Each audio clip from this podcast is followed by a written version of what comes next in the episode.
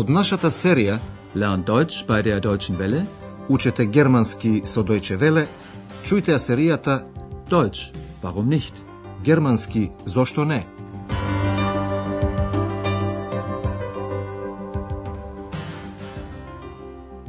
Liebe Hörerinnen und Hörer.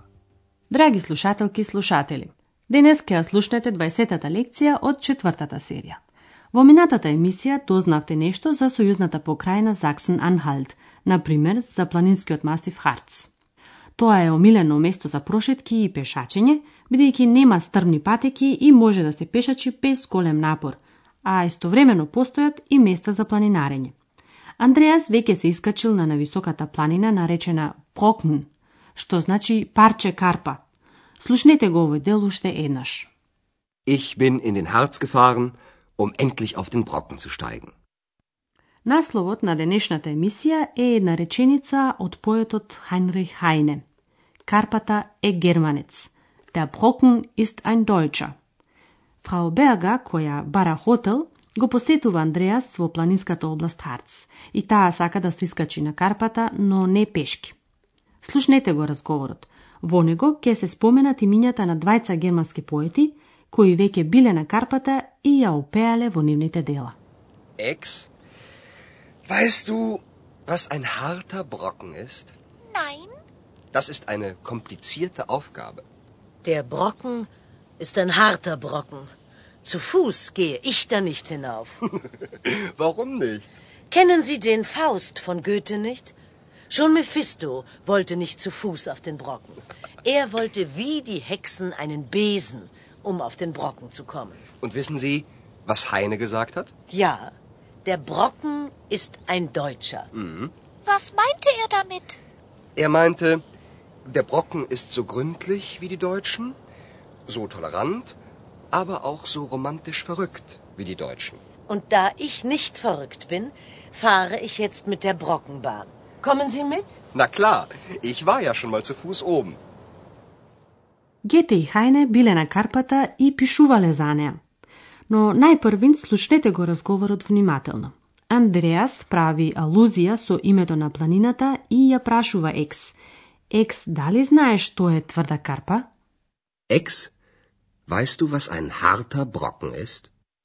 Изразот harter Brocken во говорниот јазик се користи за тешка задача, за комплицирана задача. Eine komplizierte Aufgabe. Das ist eine komplizierte Aufgabe. Фрау Берга го поврзува ова со планината и вели дека не сака пешки да се искачи на неа. Der Brocken ist ein harter Brocken. Zu Fuß gehe ich da nicht hinauf. Вака не мисли само таа. Гете, кој во 1777 година за прв пат се искачил на оваа планина, ја опел во неговото дело Фауст. Мефисто, ѓаволот од Фауст, не сакал пешки да се искачи на Карпата, туку како вештерките да ја јавне метлата. Безен. Kennen Sie den Faust von Goethe nicht? Schon Mephisto wollte nicht zu Fuß auf den Brocken. Er wollte wie die Hexen einen Besen, um auf den Brocken zu kommen. Андреас го споменува Ханрих Хајне, кој во 1824 година четири седмици пешачел низ планинската област Харц, а меѓу другото се искачил и на оваа карпа. Во неговата книга Патувањето низ Харц, Хајна ја споредува карпата со карактерите особини на германците. Und wissen Sie, was Heine gesagt hat? Ja, der Brocken ist ein Deutscher. При тоа Хајне мисли на тоа што карпата е толку цврста како што се темелни, gründlich, германците. Er meinte, der Brocken ist so gründlich wie die Deutschen. Андреас набројува и други особини што Хајне им ги припишува на Карпата и на германците. Тие се толерантни, но и романтично луди. Romantisch verrückt. So tolerant, aber auch so romantisch verrückt wie die Deutschen. Ова Хајне го напишал во 1826 година. Фрау Берга се навраќа на зборот луд. Таа вели дека не е луда и дека нема намера да се искачи на Карпата пешки, туку со малиот воз што ги превезува посетителите до врвот. Und da ich nicht verrückt bin, fahre ich jetzt mit der Brockenbahn. Kommen Sie mit? Андреа се разбира ќе ја придружува, бидејќи тој веќе еднаш се качил пешки на карпата. Na klar, ich war ja schon mal zu Fuß oben. Тројцата се качуваат на возот, со кој ќе стигнат на врвот поудобно, беквиема, отколку пешки. На патувањето тие ќе поминат покрај местото каде според легендата на одреден ден се собираат вештерките и танцуваат. Танцн. Слушнете што ќе каже машиновозачот. Alles einsteigen, einsteigen bitte, wir fahren ab.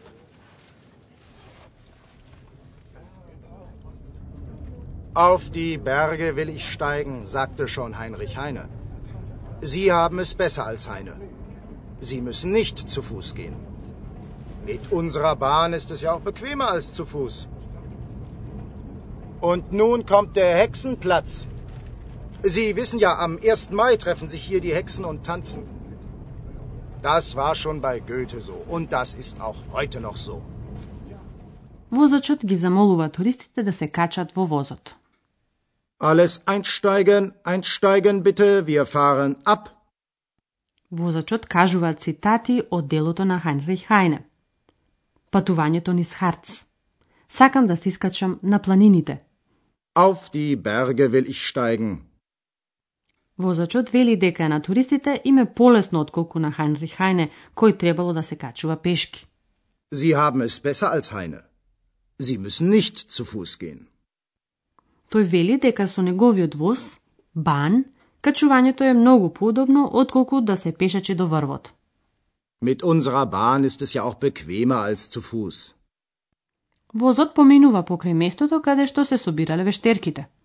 Und nun kommt der Hexenplatz. Дивата природа во Харц секогаш придонесувала на луѓето во густата магла да им се причинува дека гледаат вештерки и ѓаволи. Се сметало дека ноќта пред 1 мај, односно во Валпургиската ноќ, таму се собирале вештерките и танцувале. Sie wissen ja, am 1. Mai treffen sich hier die Hexen und tanzen.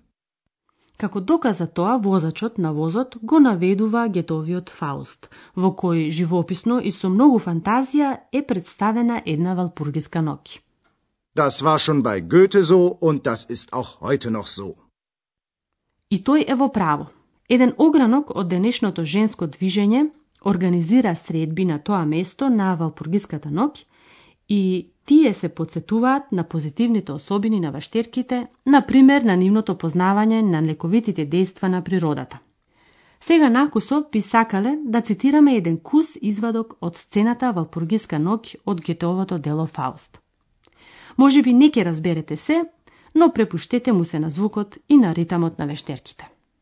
Das drängt und stößt, das rutscht und klappert, das zischt und quirlt, das zieht und plappert, das leuchtet, sprüht und stinkt und brennt. Ein wahres Hexenelement. Na, Ex-Hex. Möchtest du nicht mittanzen? Heute ist doch nicht der 1. Mai. Екс и покрај овие стихови не сака да танцува, бидејќи како што вели не е 1 мај. Na, Ex-Hex. Möchtest du nicht mittanzen? Heute ist doch nicht der 1. Mai. Ние исто така нема да му се приклучиме на танцот, туку ќе ви објасниме две споредбени конструкции.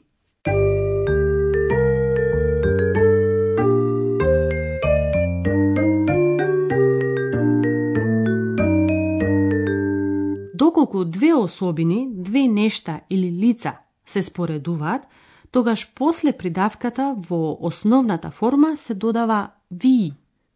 Wie? Gründlich wie? Der Brocken ist so gründlich wie die Deutschen.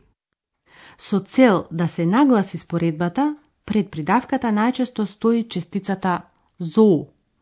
So wie? So romantisch wie? Der Brocken ist so romantisch wie die Deutschen.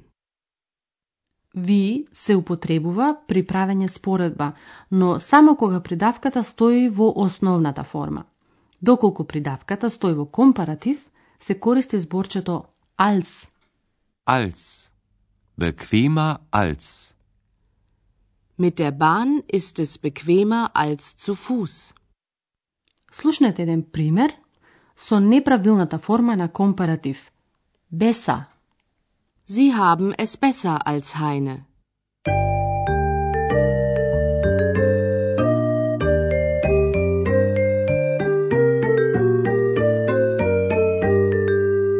На крајот да ги слушнеме разговорите уште еднаш. Седнете удобно и слушате внимателно.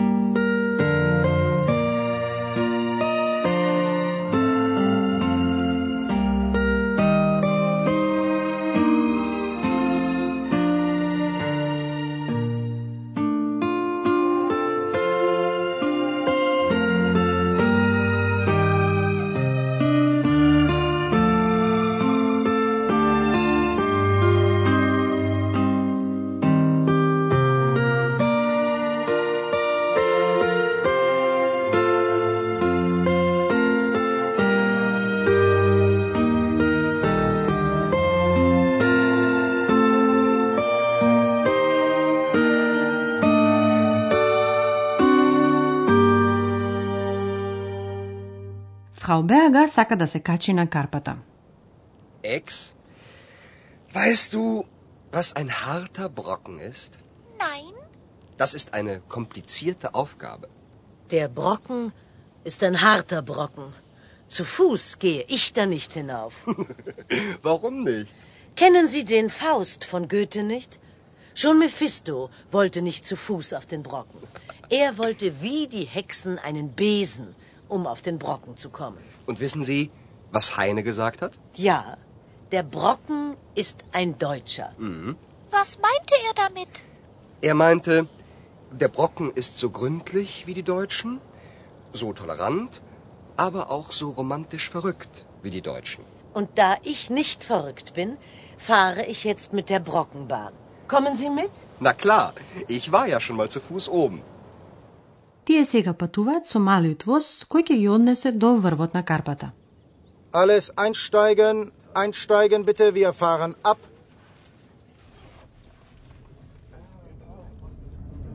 Auf die Berge will ich steigen, sagte schon Heinrich Heine. Sie haben es besser als Heine. Sie müssen nicht zu Fuß gehen. Mit unserer Bahn ist es ja auch bequemer als zu Fuß. Und nun kommt der Hexenplatz. Sie wissen ja, am 1. Mai treffen sich hier die Hexen und tanzen. Das war schon bei Goethe so und das ist auch heute noch so. Сега ќе чуете кус извадок од Фаустовата Валпургиска ноќ. Das drängt und stößt. Das rutscht und klappert. Das zischt und quirlt. Das zieht und plappert. Das leuchtet, sprüht und stinkt und brennt. Ein wahres Hexenelement. Na, Ex-Hex? Möchtest du nicht mittanzen? Heute ist doch nicht der 1. Mai. Тоа беше се за денес. Во следната лекција ќе зборуваме за јагленот и неговото значење за луѓето. До тогаш, до слушање. Тоа беше германски Зошто не? Радиоговорен курс на Херат Мезе во продукција на Дојче Веле и на Гетовиот институт од Минхен.